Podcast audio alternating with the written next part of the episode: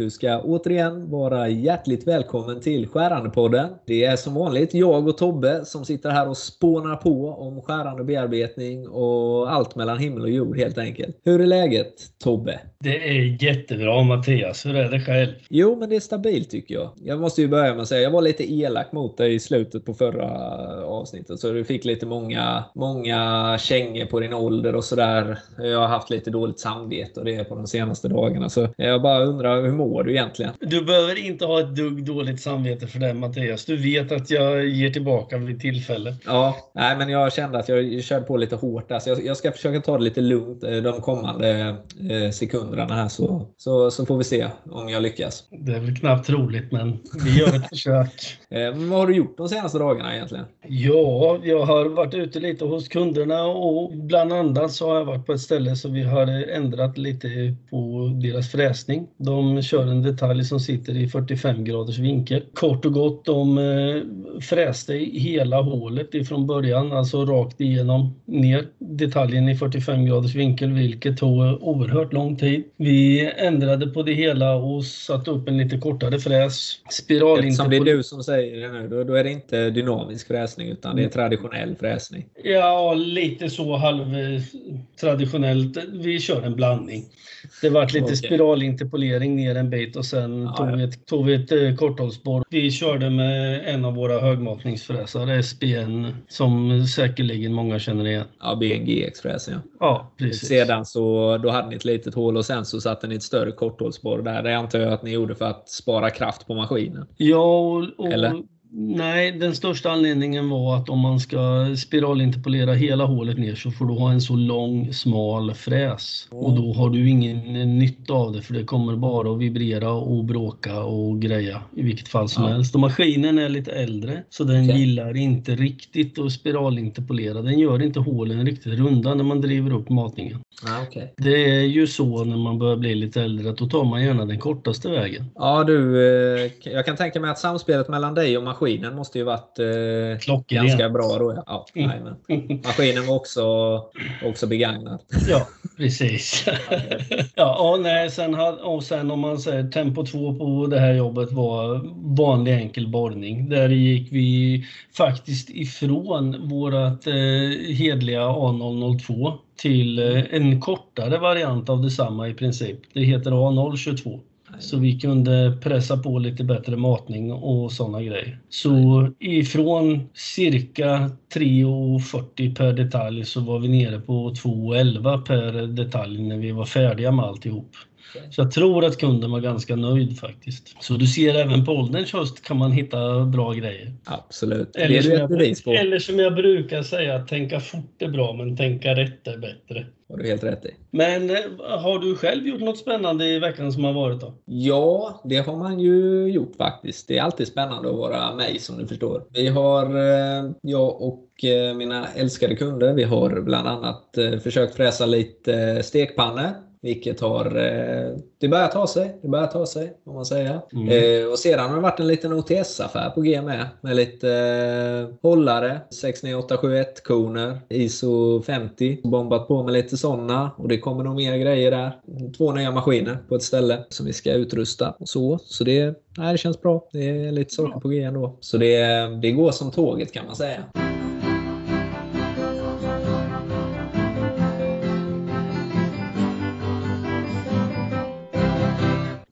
Apropå tåg. Det finns ju ett eh, segment som vi faktiskt inte har pratat så mycket om här i vår lilla podd och det är ju Railway-segmentet. Ja, du menar då järnvägssegmentet då helt enkelt? Ja, ja, precis. Om vi nu ska vara petiga och översätta det till svenska. Ja, men det är bra att du kör lite eh, engelska där Tobbe. Det får dig att verka lite yngre faktiskt. Ja, jag, jag, jag, tänkte jag skulle köra ditt språk så du förstår vad jag pratar ja, om för enkelsk skull. Ja, nej, men det stämmer mycket bra. Railway då ja. Eh, där har vi ju en hel del eh, roliga grejer. Mm, det finns väldigt mycket. Jag ska helt ärligt säga att det är ett segment inte jag har jobbat jättemycket med. Nej. De fallen jag hamnar i det så tar jag in våran tekniker Björn. Men är det någonting som du har pysslat mycket med? Ja, inte på de senaste, det första året nu då som utsäljare. Men jag har ju suttit på specialen innan och där hade man ju en hel del specialverktyg också som man höll på med. Och det, det är ju stort inom Railway specialen faktiskt. Skärande bearbetning inom järnväg, vad kan man säga om det då Tobbe? Ja, det, det finns väl egentligen väldigt många olika varianter. Det, allt ifrån eh,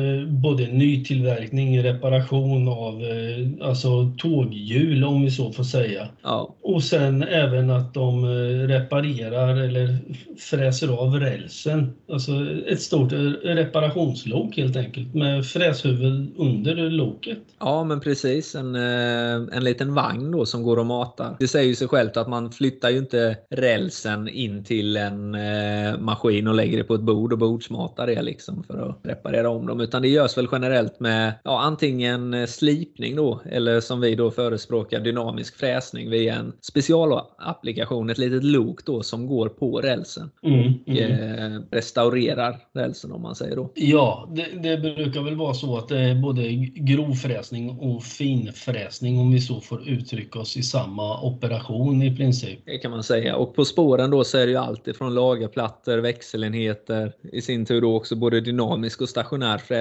och ja, järnvägsfräsning om man säger då. Så det finns färdiga specialapplikationer för den rälsen. Vi har ju faktiskt jobbat eh, in eh, hjulsvarvning en hel del också. Inget som du och jag har sålt in, men vår kollega Roger har ju gjort det. Mm. Eh, det jo, det, det stämmer. Jajamän, och det går ju kanon. Det är som du sa nyss, det går som tåget. Ja, det går som tåget. ja, resultatet av det här är ju, alltså en riktigt bra grej är ju att man inte mm, behöver byta en massa räls överallt, utan man kan fräscha upp den räls som finns. Vilket ja. sparar ganska mycket på miljö i många hänseenden. Precis, både räls, hjul och hela den biten. Jag håller med. Och det, är ju, det står ju i linje med tåget att det ska vara ekonomiskt och hållbart och miljötänket. Så här liksom. att det, ja, det ska vara fint att åka. Man ska känna att man gör något vettigt med jordens resurser. Ja, jag har för mig att någonstans har jag läst att mycket av det här började av en stor olycka med någon urspårning eller något. Att man började titta mer och mer på skick på både hjul och, och räls. Och därefter kom utvecklingen på det här segmentet. Okej. Okay. Tåg är väl ett av de mest ekonomiska och eh, framförallt miljövänliga transportmedel vi har idag. Det känns ju bra att eh, vi som är Pramet då, och som är då faktiskt en ledande partner då till världens främsta marknader för just järnvägsindustrin då. Som då kan vara både statliga aktörer och privatägda företag då som sysslar med både produktion och underhåll för järnvägar. Mm, mm. Och en del som vi inte ska glömma är att det här är ju applicerbart även på spårvagnar och de spåren om vi så säger. Ja precis, har du helt rätt i. Du har väl säkert åkt en del pendeltåg i dina dagar? Inte jättemycket men eh, lite granna faktiskt. Du vet jag bor ju så till så här finns ju inte så mycket tåg längre. Det är ju nedlagt sedan ganska länge. Nej just det, det är sant. Är du är mer skog? Ja, mer, mer skog åt folket vet du. Och du nämnde också det med olyckor där och eh, det ställs ju väldigt höga säkerhetskrav på järnvägarna idag. Och eh, det sätter ju höga krav på de betrodda partnerna då som levererar de här eh, verktygen för att mm, kunna bearbeta det. Det är ju mm. viktigt att det är kvalitet i hela kedjan. Liksom. Mm. Det finns ju lite, om man så säger, även lite grann nördefakta runt det här. Då. Alltså att man kör de här grejerna, när man håller på med de här grejerna och fixar rälsen eller fräser rälsen hur man nu ska uttrycka sig, så kör de ju det på specialdesignade tåg som förflyttar sig alltså typ 700 meter på en timme. Så det ja, är ju precis. Alltså ur, räknar man bordsmatning så går det ganska fort, men alltså 700 meter per timme, man vet ju hur, långa, hur lång rälsen är liksom. 700 meter i timmen, det är 700 000 millimeter i timmen. Delar man det på 60, vad får vi? 11 666 millimeter i minuten då. Det är en hyfsad bordsmatning får man säga. Mm, mm. Mm, det är så kallad högmatning. Så kallad högmatning, ja. Mm, mm. Ja, en sak som vi inte har nämnt jättemycket heller, det är ju alltså att tack vare att man gör sig så här så slipper man ju ganska många driftstopp på tågen. Som kuriosa på de här eh, specialdesignade reparationsloken så kan man ju nämna då att genom att fräsa över spåren och genom att ta bort millimeter av den förstörda ytan så återställs ju sen spåret till sitt ursprungliga skick. Vilket då går helt i linje med tåget och den miljövänliga lösningen. Då. Eh, den första appliceringen fräser lite grovt på ytan och den andra appliceringen finfräser och avslutar den. Då. Och dessa båda appliceringar arbetar ju då på båda skenorna samtidigt om man säger då. Vilket gör att eh, hastigheten på matningen kan vara så pass hög. Ja, det, det är ju som sagt det är mycket viktigt att vi jobbar nära maskintillverkare och järnvägsorganisationer för att liksom säkerställa alla sådana här anpassningar man behöver göra för att få fram önskade resultat. Precis, och det är ju så som med alla projekt egentligen, men kanske extra mycket då inom eh, railway, eller järnväg då som jag kallar det, så är det ju nya applikationer hela tiden där varje applikation är unik mer eller mindre. Och där mm. skräddarsyr ju vi våra produkter regelbundet för att tillgodose behoven i det här fallet. Då. Mm. Man kan ju faktiskt nämna att vi har mer än 50 dynamiska rälsfräsverktyg ute på marknaden. Precis, det är ganska, ganska mycket faktiskt. Mm. Och eh, det går ju i linje linje med att utvecklingen av ny spårteknik, jag menar järnvägs, eh, järnvägsföretagen och allt eh, och att resa grönt och sånt, det är ju en stor, väldigt stor bransch och eh, stora politiska krafter ligger bakom det, liksom att det ska utvecklas. Så spårtekniken utvecklas ju också ständigt. Ja, Modifieringar det... krävs ju också där. Ja, både, räl, både räls och hjul ändras ju i takt med att tågen bara går snabbare och snabbare. Precis. Det går ju liksom inte att köra med samma teknik som man gjorde från början när rälsen kom. Nej, men precis. Det är ju eldrivet nu och inte ånglok som det var på din tid. Mm, jag väntade mig en kommentar där. ja, jag förstod nästan det. Ja, men, känns som att lägga upp dem hela tiden för mig. Du gör det för mm. enkelt. Eller så bara är du så. Alla har vi varit barn i början. men eh, nu tycker jag efter de sista sekundernas diskussion att vi faktiskt tuffar vidare mot nya djärva mål. Ja, jag håller med. Och om vi blickar lite framåt då. Vad har vi att se fram emot? Ett nytt år och lite nya, nya planerade saker? Ja, mycket utbildningar. Precis. Vi vet ju faktiskt inte riktigt vart det landar, men vi eh, är öppna för nya möjligheter. Vi har ju börjat under året att köra mycket digitalt, mycket webbutbildningar eller webbinar som det kallas. Jajamän. Det lär vi ju fortsätta med i vilket fall som helst. Det kommer vi definitivt kan jag berätta för dig, för vi har mycket sånt planerat eh, just nu och erbjuda på diverse olika vis. Ja, din generation gillar ju att sitta ner och trycka på knapparna så jag förstår att du...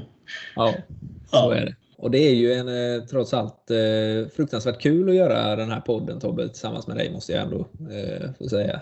Absolut, absolut. Det är ju väldigt kul också alla er som lyssnar att vi ser ju hur pass mycket lyssnarskaran har ökat nu efter varje avsnitt här under mm. året som gått. Premiäråret för Skärande-podden. Precis, det stiger ständigt och till och med att vi har fått respons när vi har varit ute hos kunder att de har Dels säger de ju givetvis att de har lyssnat på oss och dels kommer de med lite förslag på vad de tycker vi ska prata lite om eller och lite så. Ja, du går runt och säger folk, ser du hur de viskar lite, där, där går influensan Tobbe. Liksom. Precis, precis. Ja, ja, precis. Och jag, må, jag måste säga det är väl en större fjäder i hatten för mig som är så gammal jämfört med dig. ja, det är fjäder i hatten. Det kan det ja. vara. Men detta är också då sista avsnittet vi kör för i år, 2020.